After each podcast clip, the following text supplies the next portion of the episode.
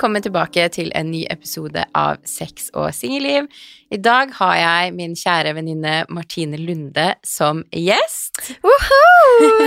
har du lyst til å gjøre en liten introduksjon av deg selv? Jeg elsker å si det, folk blir sånn jeg hater å introdusere meg selv. Jeg kan ta litt av introduksjon, jeg. Ja. Heter eh, Martine Lunde.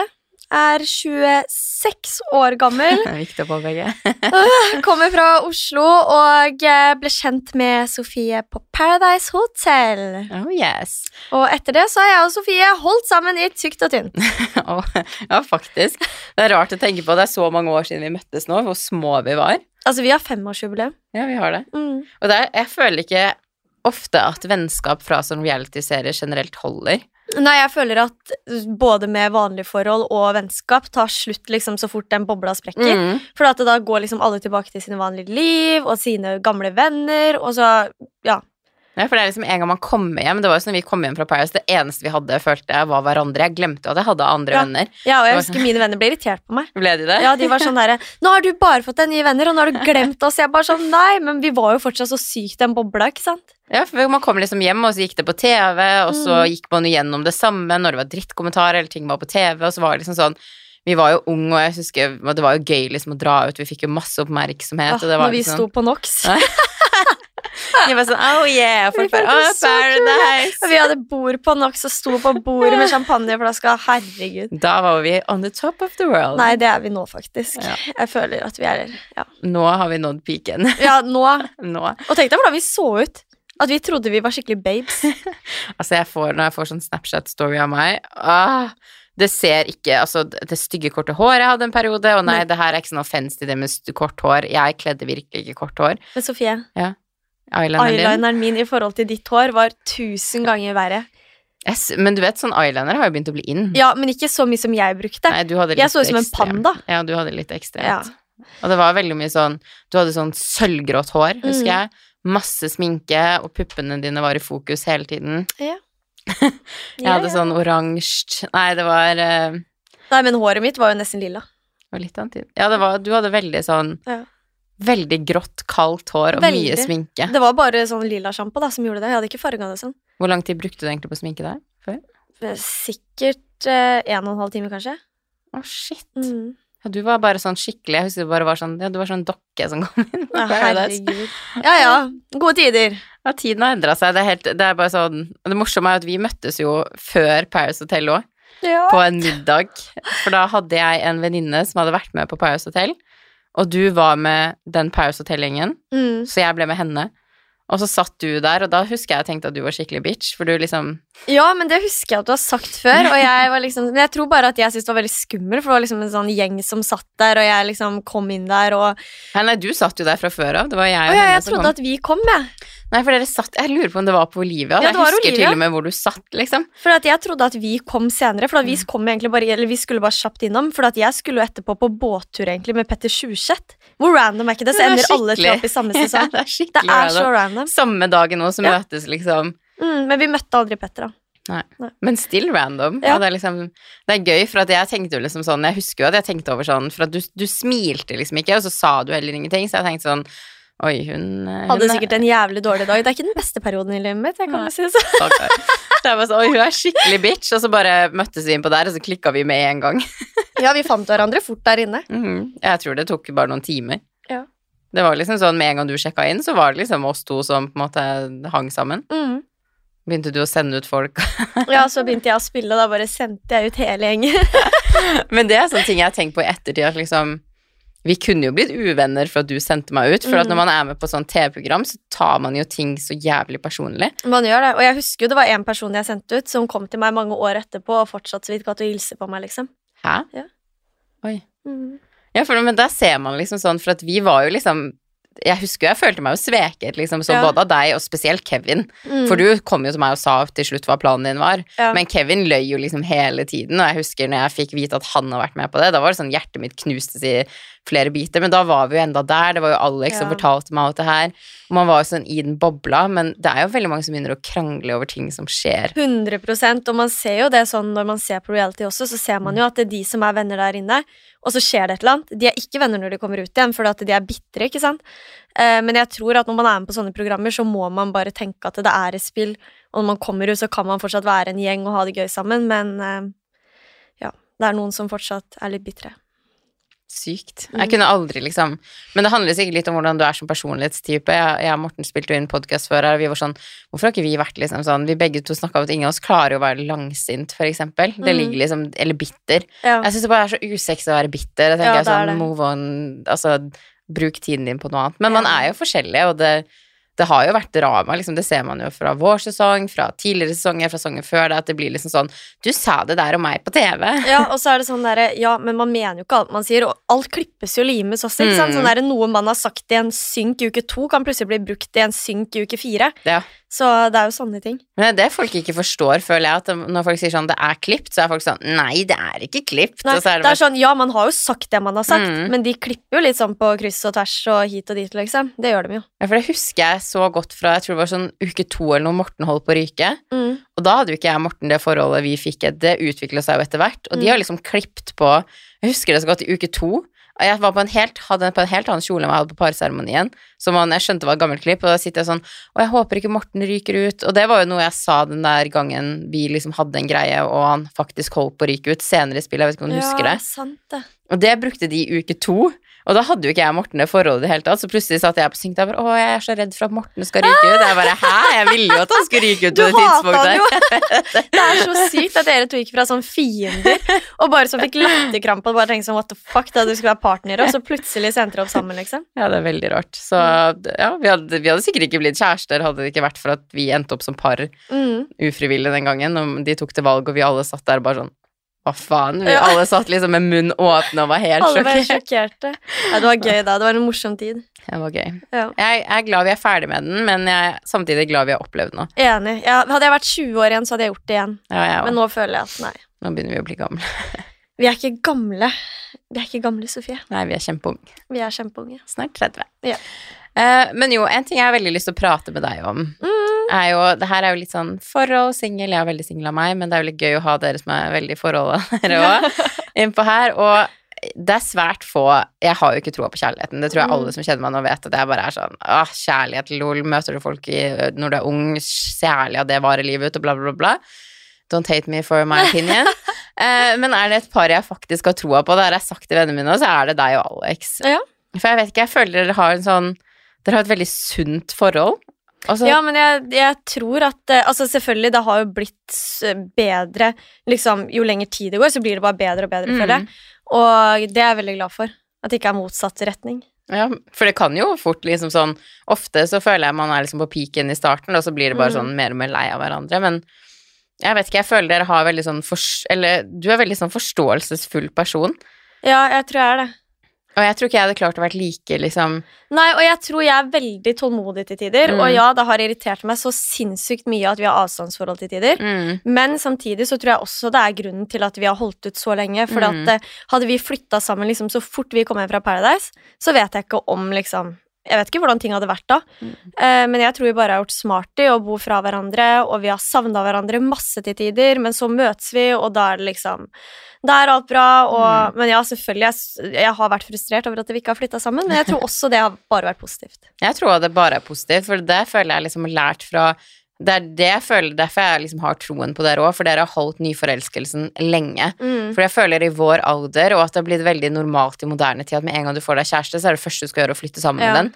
Det er sånn, Man har kjent hverandre, i- vært sammen i to måneder, så er det sånn plutselig flytter man Ja, inn så kjøper de leilighet sammen, liksom. Ja. Og da blir det liksom normalen, og jeg tror jo For det merka jeg godt med meg og Morten, er jo at vi hadde det så jævlig bra helt frem til vi flytta sammen. Ja. Fordi da var det ikke liksom nyforelskelse lenger. Det var ikke spennende der at han plutselig kom og overnatta hos meg, eller jeg hos han, eller at vi savna hverandre. Mm. Det var liksom sånn Man irriterte seg av hvem som ikke hadde tatt oppvasken, ja. hvem som ikke handla mat, altså regninger, alle sånne ansvarsgreier som kommer med et forhold, men jeg føler at mange stresser Altså, man tar det inn i forholdet så tidlig at du dreper hele den der Ja, man dreper hele nyforelskelsen og hele liksom den fasen av forholdet som bare skal være gøy og alt sånne der ting. Mm. Uh, nei, så jeg tror det bare har vært bra, ja, at vi har drøyd det med å flytte sammen, men nå har vi jo vært sammen i fem år, da, så nå tenker jeg det er snart på tide at eh, han kommer seg til Oslo. Ja, ja kan, dere har liksom vært tålmodige der, men jeg tror oppriktig at dere har gjort det på den sunne måten. At Ja, det, liksom, det det er derfor jeg har så troa på dere òg, fordi at dere har holdt jeg, sier det, jeg føler bare dere er alltid liksom sånn Man merker når dere er sammen at dere enda er nyforelska, og jeg tror ikke det er på en måte normalt etter fem år. Nei. Men det er jo for at han er plutselig i Bergen i en måned, to måneder, så har dere ikke sett hverandre på det, du savner han i to måneder. Det blir jo litt sånn Ja. Mange er sånn avstandsforhold er drepen på forholdet, men jeg tror jo avstandsforhold kan være redningen i mange forhold. Jeg tror det kan være med på liksom. Ja, altså nå vet jeg ikke. Jeg vet jo at mange har avstandsforhold der hvor typen liksom bor i USA da For å gå Mm. på skole der. Sånn tror jeg kanskje ikke hadde vært det beste for meg. Eh, Men det at eh, jeg tror det er liksom perfekt med at vi har de jobbene vi har At vi har veldig sånn åpne skjemaer begge to At vi kan dra og møtes når som helst. Han kan være flere måneder i Oslo Og det tror jeg egentlig bare er bra Men jeg tror ikke det hadde gått like bra hvis han hadde bodd i et annet land liksom Nei. Nei, det er vanskelig å si, men jeg bare har liksom tenkt mange ganger sånn Hva har dere to gjort riktig mm. for at veldig mange andre? For det er ikke gitt heller, sånn som vi prata om med Paris Hotel og reality, at det er ikke gitt at man De fleste som blir forelska inne på Paradise, gjør det jo slutt sekundet man lander på flyplassen Men det var jo det alle sa også. Alle var jo sånn ah, 'Det forholdet er i to måneder', liksom. Mm. Og var helt sånn. Men vi sitter her fem år etterpå, da. Ja. Ja, men jeg, jeg tror det er veldig viktig å liksom eh, Altså, det er jo forskjellig fra forhold til forhold, men jeg tror det har Jeg, Det har bare tenkt mange ganger på liksom mitt neste forhold, hva jeg skal gjøre da. Mm, Og nummer én ting er å ikke stresse og flytte sammen. ja. Men det tror jeg faktisk er veldig lurt. For det er noe annet å være samboere Ja. og kjærester. Det er to helt forskjellige ting. For det å være kjærester, så har man liksom ikke sånn Men det er ikke alle de irritasjonene og diskusjoner rundt penger og Ja. regninger. Man har liksom ingenting felles. Og det var det jeg og Morten prata om i, når vi snakka nå. Så var det sånn, vi ble én person til slutt. på en måte. Vi Mm. hadde ikke egne liv, vi hadde samme venner, vi dro og trente sammen, vi hadde samme jobb, vi jobba sammen, vi Ja. så hverandre hele dagen. Altså, det var ingen pause fra hverandre, med mindre vi dro på trening på forskjellige tidspunkt, så var det Ja. en og en halv time, liksom. Det er jo til å bli gal av. Ja, men da tror jeg faktisk jeg hadde blitt litt gal. Og jeg har jo tenkt på det nå, for at nå jobber jo Alex og jeg sammen med God kveld Norge. Mm. Og jeg har jo tenkt på det, herregud, tenk om det her plutselig tar knekken på forholdet, for at nå skulle vi plutselig gå veldig mye opp på hverandre. Han er jo lenge i Oslo nå. Vi eh, går opp hverandre på jobb når vi kommer hjem, så jeg har jo vært litt sånn derre når vi kommer hjem da, så er det viktig at vi gjør litt hver våre ting. Mm. At ikke vi liksom da skal henge sammen 24 timer i døgnet, for det tror jeg hadde ikke vært så positivt. Ja. Ja, men jeg tror det òg er viktig, og der føler jeg dere òg alltid vært liksom sånn flinke, er at dere har hatt hverandre sin liv. Jeg føler veldig Nei, at dere ikke har hatt At dere vi har hatt hverandre sitt liv. Du har plutselig blitt Alex, du. Jeg er fra Bergen. Bare bytta liv. Nei, dere har hatt hvert deres liv, og at det er liksom Ja. sånn Jeg føler veldig mange blir kjedelige når de er i forhold. Vet du hva, Det er faktisk det verste jeg vet. Åh, er folk ja. som går inn i et forhold, og så blir de så kjedelige, og så bare blir de en så syk kjæresteperson. De skal ikke dra ut på byen lenger, de skal ikke dra på ferier, de skal ikke gjøre noen ting med venninner. Og vet du hva?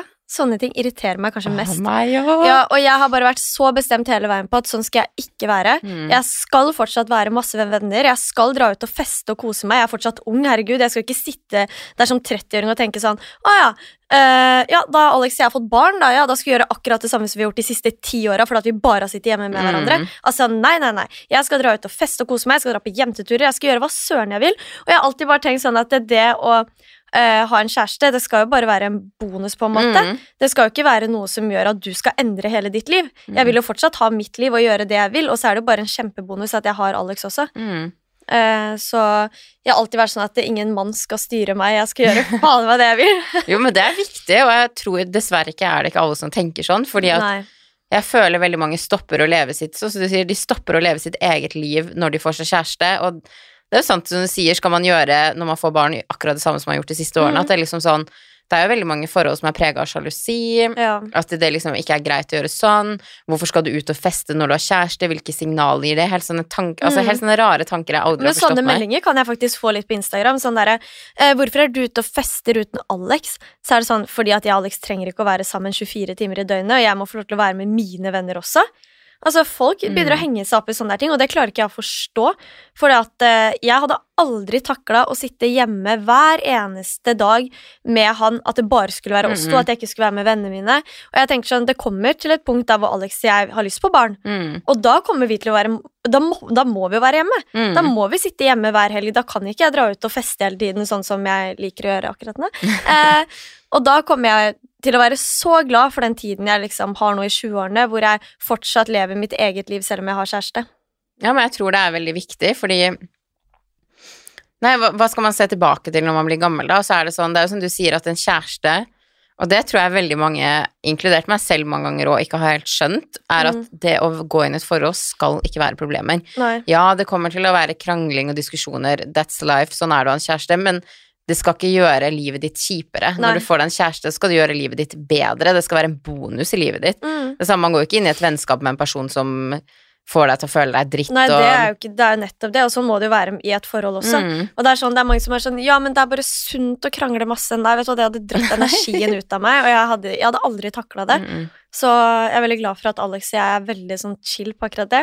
Veldig få diskusjoner. Selvfølgelig diskuterer vi oss innimellom, men veldig lite.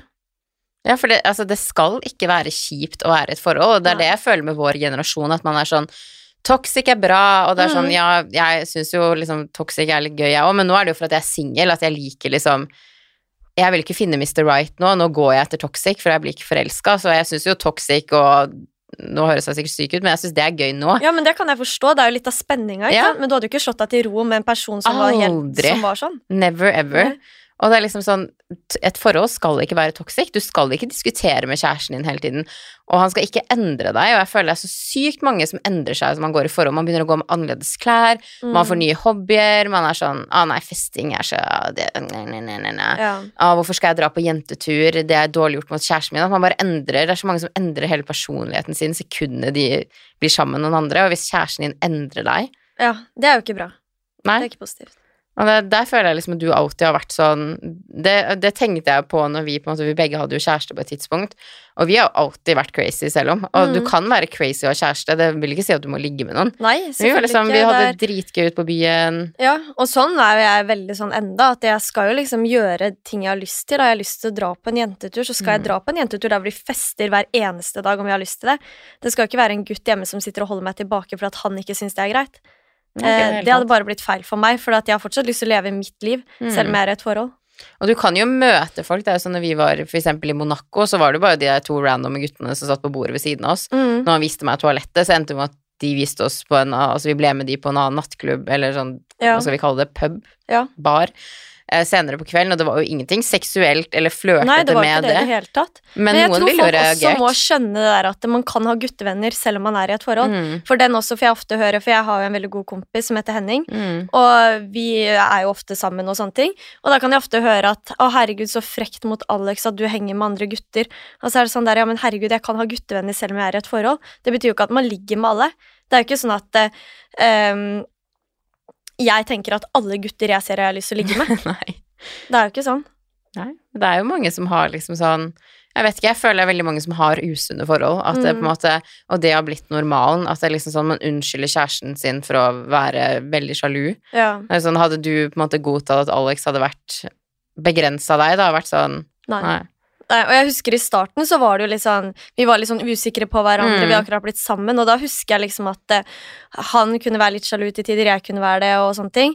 Eh, og så merka jeg fort at sånn her funker det ikke å ha det for meg. Hvis vi skal begynne å sette begrensninger for hverandre, Mm. og at jeg skulle si sånn Nei, det er ikke, jeg syns ikke noe om at du drar ut på byen med den gjengen der, eller at han sa sånn Nei, jeg liker ikke at du gjør det. Så måtte jeg liksom bare si at det, sånn her funker ikke for meg. Jeg har sagt ting til deg som jeg ikke burde sagt, liksom, med å begrense deg, og jeg føler det samme tilbake, og sånn funker ikke, liksom, for meg. Ja. Så jeg er glad for at eh, vi begge har kommet til et punkt nå der vi liksom har sluppet det der litt. Ja.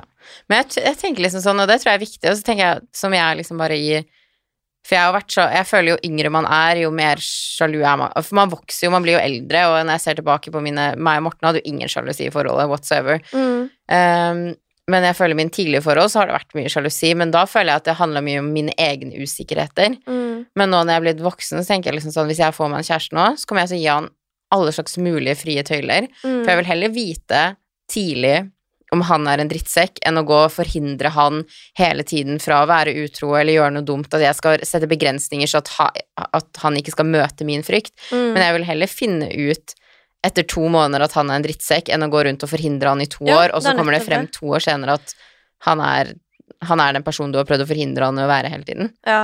Nei, jeg har sagt til Alex gjør hva enn du vil, liksom. Mm. Altså, gjør hva du vil. Jeg kommer aldri til å nekte deg noen ting. Eh, så lenge Altså til en viss grense, selvfølgelig. Da. Du kan bare ligge med folk, Dra gjør på hva du vil. horehus, kos deg! Kjøp hore i kveld Ja. hvis du trenger det. Eh, Nei, men Det kommer jo til en grense, selvfølgelig, men jeg kommer aldri til å sette noen grense for han. Hvis han har lyst til å gjøre det ene eller det andre, så kjør på, liksom. Ja. Så lenge det ikke ja, ødelegger forholdet helt. Nei, men det finnes, og selvfølgelig må man jo ha grenser i forhold, men jeg føler bare med en gang man er sånn Jeg liker ikke at du drar ut. Mm. Og det er jo veldig vanlig i mange forhold. Det er altfor vanlig. Og jeg merker det også Altså, jeg, man merker fort eh, på personer som er i forhold som ikke er bra for dem.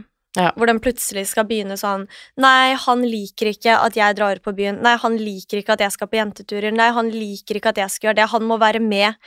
Og da merker jeg med en gang sånn Fy fader, kom deg vekk, liksom. Ja, røm. Ja.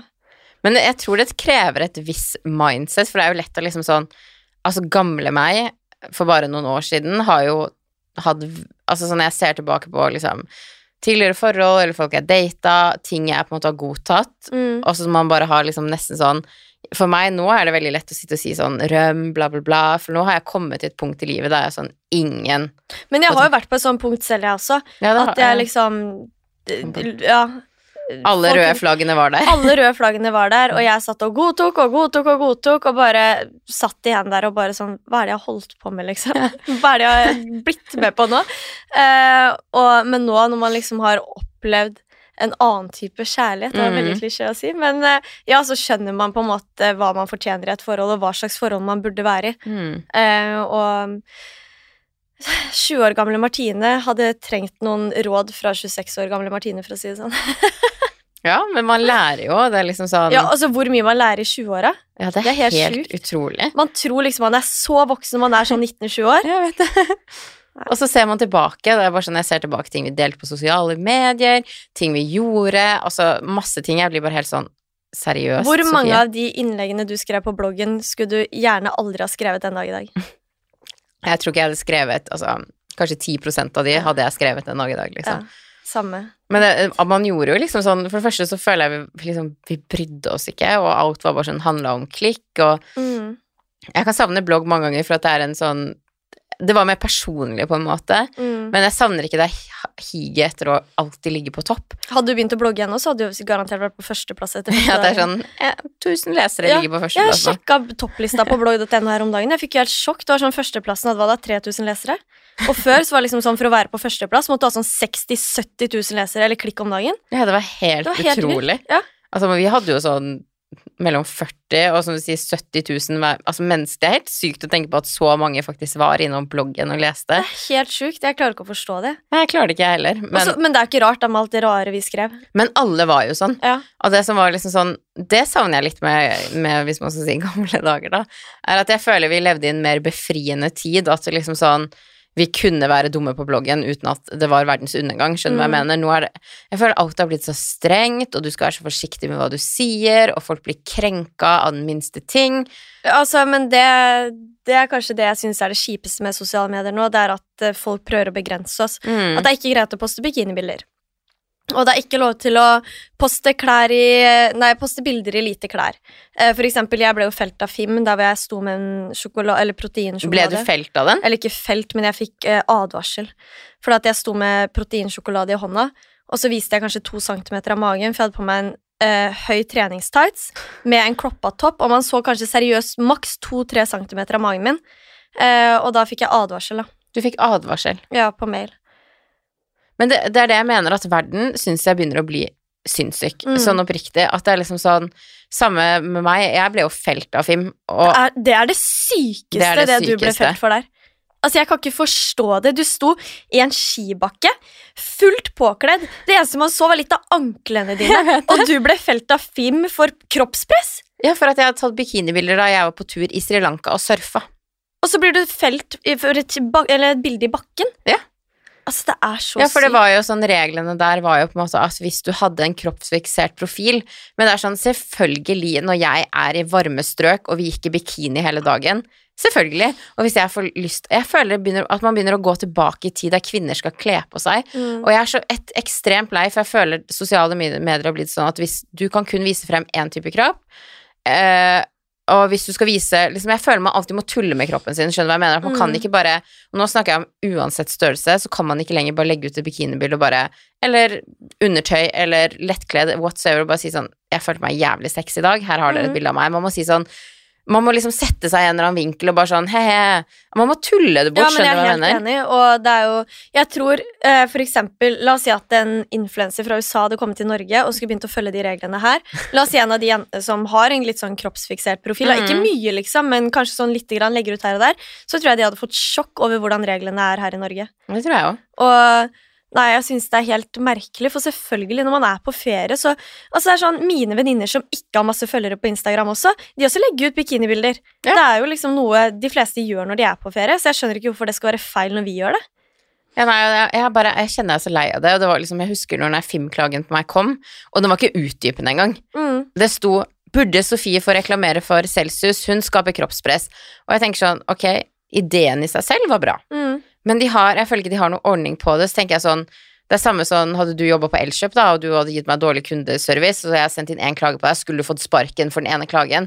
Jeg tenker, Da burde man jo se an hvor mange klager som kommer på en person. Mm. Og si hvis det hadde kommet inn ti klager på meg da for at jeg hadde skapt så mye kroppspress, så burde de innkalt meg til et møte. 100 Ikke bare slengt det til VG sånn som Ja. du gjør. Det er så teit. Istedenfor å ta oss inn til et møte, og si sånn Vet du hva, det her er det vi har lyst til å liksom gå gjennom i dag, og vi syns at du heller burde gjøre sånn og sånn, for at det her går ikke sammen med de reglene og alt sånne her ting. Begynte å forklare det Mhm. for oss, så hadde det vært én ting. Men nei da, de bare sender det rett til VG for at VG skal skrive liksom en artikkel og henge oss ut. Ja, det gir jo ingen med Altså, de, altså det, nei, hva skal jeg si, det å gjøre det på den andre måten gir jo ikke det medie eh, Altså oppslag i media, og at folk prater om det. Mm. Men jeg tenker sånn at én klage som var så ut, altså lite utdypende Det sto ingenting om hvorfor jeg skapte kroppspress. Mm. Og alle var sånn, du kommer aldri til å bli felt i det her. Som jeg sier, jeg sto fullt påkledd i en skibakke, Mm. og de går da For det her var jo to måneder etterpå, da jeg reiste til Sri Lanka. Så går de og screener profilen min, ikke fra daværende tidspunkt da jeg sto i den skibakken. De går og screener to måneder etterpå når jeg er på ferie i Sri Lanka. Sånn, Sofie er felt fordi hun skaper kroppspress, og så skal de gjøre det her for at det skal være vanskelig for oss med annonsører. Jeg føler bare vi går så sykt langt tilbake i tid. Er det én ting jeg vet, så er det at jeg ikke skaper kroppspress. Mm. Altså, det er sånn, jeg har en Jeg viser frem kroppen, den kroppen jeg har. Jeg trener. Jeg har en, altså en sunn livsstil. Og hvis jeg har lyst til å fronte det, så burde det være helt greit. Jeg føler Selvfølgelig skal det å få kvinner til å kle på seg. Jeg tenker Uansett hva slags kropp du har, så skal du være stolt av den. Når du har lyst til å poste bilder i sosiale medier, så er det respekt uansett hvordan kropp du har. Mm. For jeg føler at respektkommentarene De kommer på en viss eh, Altså det kommer liksom på en viss type kropp. Mm. Da kommer liksom respekt. Fy fader, så bra at du tør å stille opp i bikini. Mm. Men hvis du er liksom trent og kanskje litt tynnere, så får du kommentarer med 'Å, du skaper kroppspress, og kle på deg, dette er ikke ok', og 'jeg blir dårlig av å gå inn på dine sosiale medier'. Da er det ikke greit, plutselig. Og jeg tenker at det, jeg syns oppriktig alle kropper er fine, og jeg skjønner ikke da hvorfor at noen skal få Mm. dritt for å legge ut bilde av kroppen sin. Det klarer jeg ikke å skjønne. Nei, ikke jeg heller. Så tenker jeg alle Hvis man skal begynne å ha sånn Ok, én kropp eh, skal bli hylla på sosiale medier, og én ikke, så tenker jeg liksom sånn Hva gjør det med kroppsbildet? Mm. Jeg tenker sånn, det er jo viktigere, som du sier. Jeg tror hvis alle bare kunne lagt ut bilde av kroppen sin Alle har jo forskjellig kropp. Altså Ja. man er jo, Noen er høy, noen er tynn, noen legger med på seg mer der, noen har større lår, noen har større rumpe, noen har mindre rumpe. Det fins så mange forskjellige kroppstyper, og jeg tror at folk hadde følt mindre på det kunne vi bare lagt ut bilde av kroppen vår uten å gjøre så mye rundt det. Mm. Altså bare sånn, her er min kropp, og alle kroppstyper er velkommen uten at det skaper kroppspress, eller at det, det ikke er bra, eller bla, bla, bla, bla, bla. At alle bare Og så tenker jeg sånn, må man hylle noen for å legge ut bilde av kroppen sin?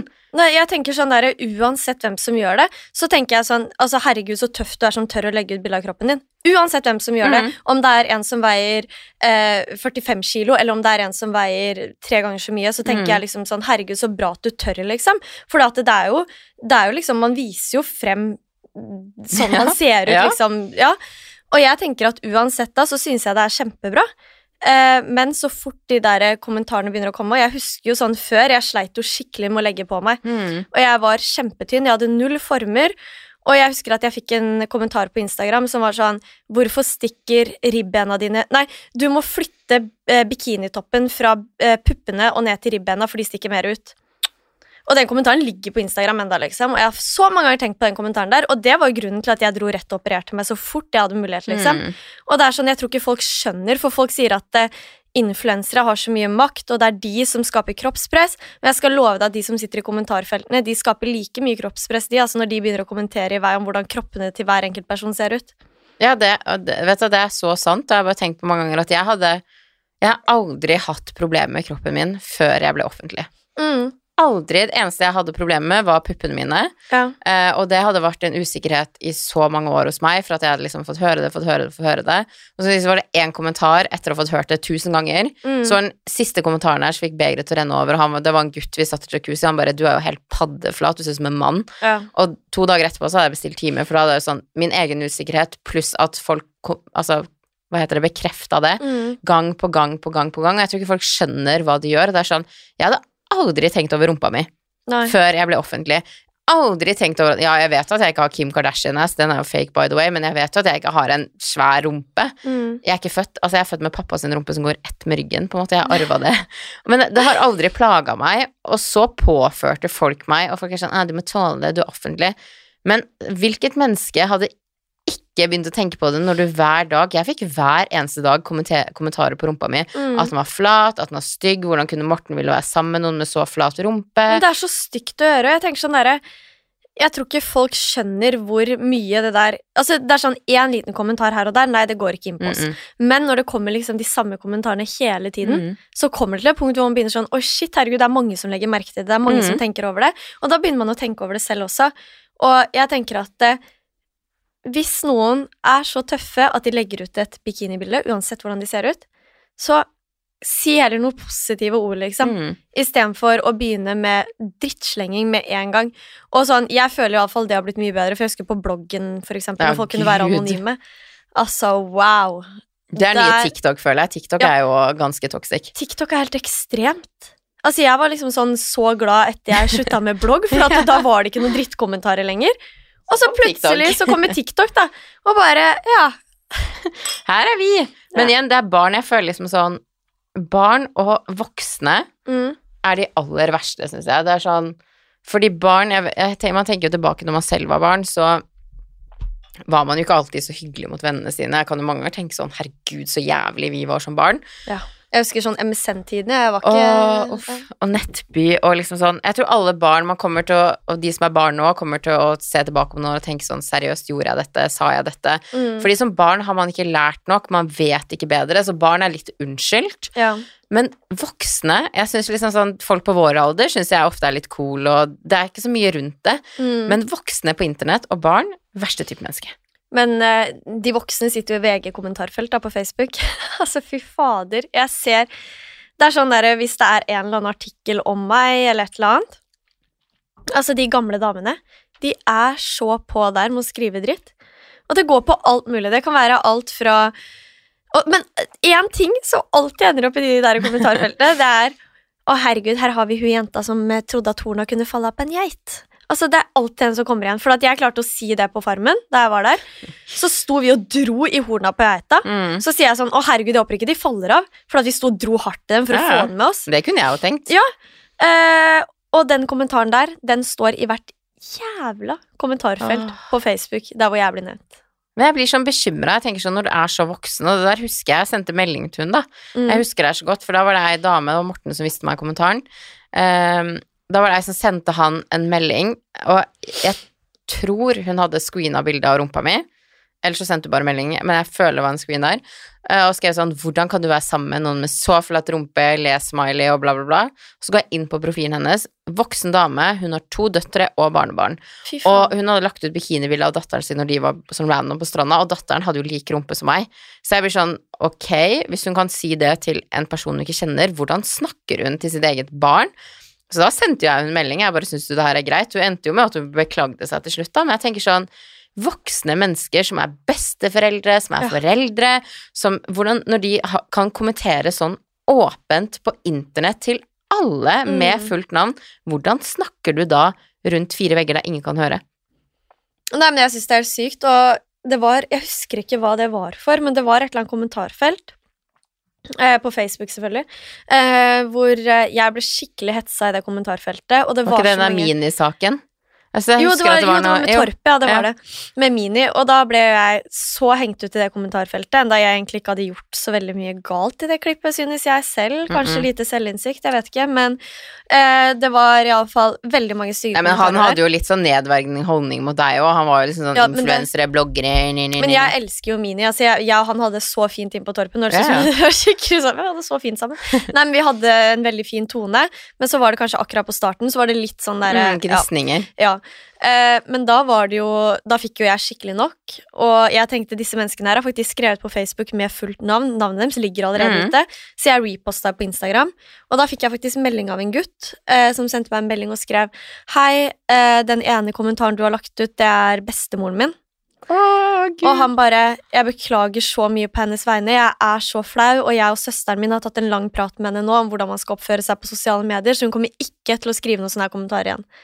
Og da ble jeg skikkelig glad, Mm. for da var det liksom en yngre gutt, han var kanskje litt yngre enn oss, ja. eh, som da måtte ta en prat med Bestemoren sin. om hvordan hun skulle oppføre seg på nettet. Og jeg tenker at det, det er jo litt rart at vi yngre må lære besteforeldre Mm. hvordan man skal skrive på nettet, men jeg tror også det er smart, for jeg hadde dødd av flauhet hadde jeg sett at bestemor satt i et kommentarfelt Åh, og kommenterte dritt. dritt. Eller mammaen din, eller Ja. pappaen din. Jeg hadde dødd. Kommenterte sånn ah, dum, mm, pulbar blogger. Ja, for kommenterte sånn. Knulledukke. Ja, knulledokka. Ah, Og jeg bare sånn, og bare sånn, hvem er det å ligge med nå, og sånne ting. Så Nei. er det sånn der, hallo, jeg har vært i et forhold i fem år, og uansett, før jeg var i et forhold, jeg lå ikke akkurat rundt, så får jeg liksom de Men kommentarene om slengt du hadde meg. det, da. Men så får jeg de der kommentarene slengt etter meg, som om folk vet alt hva jeg har gjort i fortiden, og hva jeg gjør nå. Og nei, Jeg syns det er helt sykt hvordan de holder på, men jeg, jeg ble skikkelig glad da jeg fikk den kommentaren fra han gutten. For jeg var jo redd med en gang han bare skrev sånn 'Hun ene er bestemoren min', så tenkte jeg sånn 'Å gud, nå skal han kjefte på meg og ber meg slette det'. men så var han bare sånn 'Tusen takk for at du legger, opp, Mm. legger ut dette her, sånn at vi kan ta tak i det', liksom. Ja, men jeg Så- tenker liksom sånn, for veldig mange er jo sånn Jeg tenker det er en Eller sånn, jeg tenker alt du skriver på nettet til noen, kan ha konsekvenser. Og Mm. det sekundet du velger å kommentere eller sende en DM eller bla, bla, så til uansett hvem det er, så må du kunne tenke at det her kan komme frem i senere tidspunkt, det kan bli lagt ut, bla, bla, bla, bla. Og jeg er sånn, hvorfor skal man skjerme de som oppfører seg som dritt på nettet? For sånn, hvorfor henger du ut denne personen? Ja, det var en dum kommentar, de unnskylder Mm. De Og så er det sånn, jeg tror at jo mer man gir konsekvenser til folk som oppfører seg dritt, jo mindre dritt kommer de til å oppføre seg. Mm. Så jeg synes liksom sånn, jeg tenker sånn når jeg ser folk liksom legger ut si, Når de har kommentert på Instagram-bildet eller noe sånt, så ser jeg folk legger ut sånn navnet til den personen og bare 'hva faen er det med kommentaren her?' Så blir jeg sånn 'you go, girl', eller 'you Mm. go Nei, gutter gjør det sjelden, da. Men gutter får jo nesten ikke dritt, syns Altså Nei, de gjør ikke det. Og jeg ser liksom sånn for eksempel i kommentarfelt, da, hvis det er en sak om meg og Alex, mm, så han kan få et par kommentarer om sånn 'Å, han er hjernedød', eh, og så er det jo mest hat mot meg. ja. Det er veldig lite mot han. Eh, jeg tror det bare har blitt lettere å ta jenter, fordi Jeg vet ikke, det er jo de eldre damene som tar Mm. yngre jenter. Eh, og eh, mannfolka Altså, de er hyggelige kommentarfelt. kommentarfelt. Jeg fikk jo den kommentaren her om dagen i et kommentarfelt. Da var det en uh, gammel mann som skrev uh, Nå må man få ut fingeren og sette en ring på hun der. Hadde jeg hatt sjans på den dama der, hadde jeg vært gift og hatt en flokk med unger. Da tenkte jeg sånn Herregud, så koselig. Så ser man damene, da. Jævla drittkjerring! Ekkel, så mye sminke. Ja. Men det der føler jeg liksom sånn Vi snakker, vi jenter snakker så mye om girls support girls, girls have to support girls, girls, girls, girls, girls squad, bla, bla, bla, bla, men are piece of shit og alt det der. Og så er det sånn, jeg har sjelden opplevd at en mann eller en gutt har kommet og skrevet noe dritt til meg. Mm. 90 av mine kommentarer som har gått på kropp, som har gått på utseendet mitt, som har gått på alt negativt, har vært fra andre jenter. Mm, men en ting vi skal Nei, du må ikke si jenter, du må si damer. Ja, men mye jenter òg. Er det det? Ja, ja. For jeg får veldig sjelden fra jenter på våres alder og Mm. sånne ting. ja. Men det starter liksom på 50 pluss. Det er da dritten Ja, det er de som er mest aktive, men Ja. det er òg sånn sånn, du vet litt sånn mamma 34 Nå skal jeg ikke Ja. sette én, men skjønner du litt typen? Mm. At de er sånn ah, du er sånn, sånn og sånn og sånn. Jeg bare, jeg bare vet at når jeg ser jeg får stygge kommentarer, nesten alltid fra jenter. Ja. ja, men det Damer jeg og TikTok òg, så jeg, det er sjelden gutter kommenterer dritt. Det er en sånn gutt på syv år som er sånn S, du er ekkel sminke, eller skjønner du hva jeg Ja. mener? Men det er sånn, på TikTok òg, så er det mest jentenavn i mine kommentarfelt som er sånn Mm. bla, bla, bla, bla, bla. Ja. Og da ble jeg bare sånn Vi snakker om at vi jenter skal støtte jenter, men jeg føler at vår verste fiende er oss selv. Det er det. 100 Men jeg føler også at selv om eh, Jeg føler at vår generasjon akkurat de som er liksom sånn Vi vokste opp med internett, men vi var Mhm. ikke de første på internett. på en måte. Vi er faktisk veldig gode på nett og hvordan Ja. man skal oppføre seg. Men de som kanskje var de første på nett, og de som har kommet mange år etterpå, mm. sånn som barn og eldre mennesker, de har ikke helt skjønt det ennå. Og jeg skulle ønske at det var mye mer fokus på sånne her ting i skolen, om Mm. hvordan man skal oppføre seg på nett. For jeg tror ikke, altså, Nå skal ikke jeg si for sikkert, for jeg har ikke lest noen sånn eh, statistikker, og sånn, men jeg kan se for meg nå at kanskje ikke så mye mobbing skjer på skolen lenger, Mm -mm. men når man kommer hjem fra skolen over nett. Ja. Mm. Fordi at før så måtte du være slem face to face. Mm. Altså Hvis man går mange år tilbake i tid, så kunne vi kunne jo gjemme oss bak nettet òg, og jeg husker jo at mye dritt pågikk på nett. Ja, jeg husker jeg hadde der uh, formspring Ja, og sånn. Formspring, det var helt fader. Å, fy fader, jeg ble hata der på videregående. Jeg måtte bytte skole og alt mulig. Jeg fikk jo drapstrusler, jeg måtte bli kjørt hjem fra skolen. Nei, det Det er helt vilt. Ja. Og det er liksom sånn, det husker jeg òg fra videregående. Da hadde jeg for at kjæresten hennes hadde, hadde prøvd seg på meg, Mm. og det hadde aldri skjedd noe. Og hun var russ da jeg begynte på første året, og hun hadde liksom satt meg på svartelista. Oh. Og læreren måtte kjøre meg for et lite stykke å gå fra skolen til eh, ned til altså bussen vi tok fra skolen. Og hun læreren måtte kjøre meg, og hun drev og tvitra sånn for da var jo Twitter den store greia. og hun drev og tvitra sånn 'jeg skal drepe deg', og ja, ja, hun var helt gæren. Så jeg var jo livredd for å gå på skolen hver eneste dag. Altså, sånn, vi har opplevd denne internettmobbingen, men altså, liksom, hvis man går langt i tid, så er det sånn Hvis du skulle være frekk mot noen, så måtte du faktisk gå opp til personen og si Hei, du er stygg. Mm. Hei, du er sminkedukke. Æsj, du er knulledukke. Du har flat rumpe. Jeg tror færrest Altså færre, få mennesker hadde turt det. Ingen hadde turt å gå og si det der til noen av heller. Sånn, hadde de sett oss på gata. Men jeg husker jo, husker du ikke det, da vi var på, vi var på et eller annet utested, så kom det en jente bort til oss på do, og så sa hun til oss 'Herregud, dere ser ut som to drittunger i virkeligheten'. Var det ikke deg jeg var med da? Jeg tror det var deg jeg var med. Og så kom hun bort til oss og liksom var sånn derre 'Ja, jeg har fulgt dere lenge', og bla, bla, bla, men herregud, dere ser ut som to drittunger i virkeligheten. Og da ble jeg sånn wow. Jeg, tror, jeg husker ikke om det var deg jeg var med. Det var en eller annen jeg var med. Og da fikk, jeg, da fikk vi den, da. At vi så ut som to drittunger.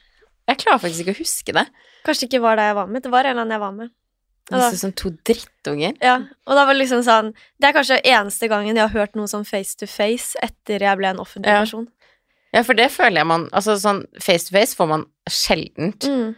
Jeg tror ikke jeg kom jo, Det var ei som bare dytta meg en gang når jeg bare gikk fredfullt forbi henne når hun var veldig full. Bare, det var på finding, så jeg gikk forbi henne, og hun bare Hun dytta meg så hardt at jeg fløy 13 km frem i liksom Så snudde jeg meg bare Hva faen hva skjedde nå, liksom? Og hun bare sånn mm, Fuck you til meg. Jeg bare sånn Så hun hadde Det tror jeg er den eneste gangen jeg har opplevd at noen har vært Jeg har faktisk blitt klappa til en gang. Jeg husker det der. Mm. På Heidis. Og da var det fordi at en annen venninne av meg skulle ta og stagedive fra et bord. Og så Hun pleier alltid å gjøre det, så jeg tenkte liksom sånn, ja, null stress. Og det var jo vennene våre som skulle ta henne imot. Ja, ja. Og så sto jeg og filma eh, at hun skulle gjøre det på våre venner. Og så mente hun jenta da at eh, hun hadde fått et bein i huet. Noe hun ikke hadde, for det kunne man jo se på videoen at hun åpenbart ikke hadde, for at hun sto et stykke unna. Så hun hadde ikke fått noe bein i huet. Men så var det ikke ditt bein Nei, det var ikke mitt bein. Så kommer hun til meg og klikker på meg og bare sånn 'Hvordan kan du stå der og se på at venninna di gjør noe sånn?' Og jeg bare sånn 'Hæ?' Og hun bare 'Jeg fikk et bein i huet'. Og jeg bare 'Hæ, gjorde du?' Og jeg bare 'Å, herregud, sorry'. Så, så går jeg Mm. liksom til venninna mi og sier sånn 'Du må si unnskyld til henne, for hun har fått et bein i huet', liksom. og hun klikka på meg, og det endte med at hun klappa til meg. Og jeg ble jo helt satt ut, og jeg tør jo ikke å gjøre noe tilbake, så jeg sto der som et spørsmålstegn. Og så kom jeg ut fra Heidis, og da sto hun og venta på meg, og heldigvis så hadde Alex kommet med bilen rett utenfor, så jeg bare kunne hoppe inn i bilen. Oh my god, Mm, men da det- crazy! Ja, Men da var det jo som vi så på klippet etterpå, at hun sto langt unna. Hun sto langt unna, hun hadde ikke sjans til å. Altså, venninna mi har ikke fem meter lange bein, liksom. Så Hun ville bare krangle. Jeg tror hun bare hadde et sånn Hun ville bare krangle med meg og sikkert få oppmerksomhet, jeg vet ikke. Men der merker man sikkert noen som har sånn, det husker jeg i Tromsø òg. Det var jo, jo utenom dyttinga, så er det en gang, og den var sykt ubehagelig, for da var det ei um Jeg var edru den kvelden. Jeg hadde drukket to glass for at jeg skulle noe dagen etterpå, jeg husker ikke hva det var. Og så kom jeg inn på toalettet, og så sto hun liksom foran det ene toalettdøren, for to toaletter, så går jeg inn på den andre, og så låser jeg meg inn, og så hører jeg hun sier sånn Blæ, æsj, kjendis, blæ. Og så tenkte jeg sånn Hæ, gjorde jeg noe nå? Så jeg låser opp døren. Jeg bare, du, unnskyld, gjorde jeg det nå, siden du sier det? Hun bare, ja, du tok toalettet jeg skulle inn på. Og jeg bare, å ja, det var ledig på andre siden, så jeg trodde du skulle inn der. Jeg beklager, liksom, du kan ta toalettet, for jeg hadde ikke rekke å kledde av meg eller ingenting før hun kom med kommentaren. Og hun var sånn Nei, da får du bare gå på det, du. Og hun, hun var så jævlig den kvelden. Altså, hun sa så mye stygge ting til meg. Og det var jo en annen jente som måtte liksom Hun, hun bare sånn Du, nå må du roe deg ned, liksom. Og så kom hun, når vi gikk ut derfra, så var det jo to jenter som hadde hørt på samtalen, og hun bare Det der var ikke greit, liksom. For hun var helt jævlig. Og hun var bestemt på at jeg hadde tatt doen fra henne, og hun, hun var jo så full at hun hadde Hun sto med sånn den der toalett... eh, Det er sånn rull, altså der du har toalett inni. Mm. Hun sto med den i hånda. What? Og så skulle hun komme og si unnskyld til meg noen helger etter, og da kom hun liksom med pekefingeren i ansiktet mitt, og bare sånn Og det var liksom unnskyldningen hennes, så jeg var bare sånn Ok. Det, det var jo en sånn ubehagelig For jeg hadde aldri møtt henne før, jeg har aldri liksom sånn Altså, vi har noen felles venner, så sikkert hyggelig jente, hvis vi Mm. hadde blitt kjent, men der òg virka det liksom sånn Hvorfor sier du ble, øh, kjendis, ble, øh, Altså, når jeg går inn på toalettet? Og det er liksom sånn Jeg tror jo kanskje det er mest for å få din oppmerksomhet da, og kanskje få en reaksjon fra deg. Ja. Eh, for de håper jo kanskje da på at vi skal komme med en reaksjon.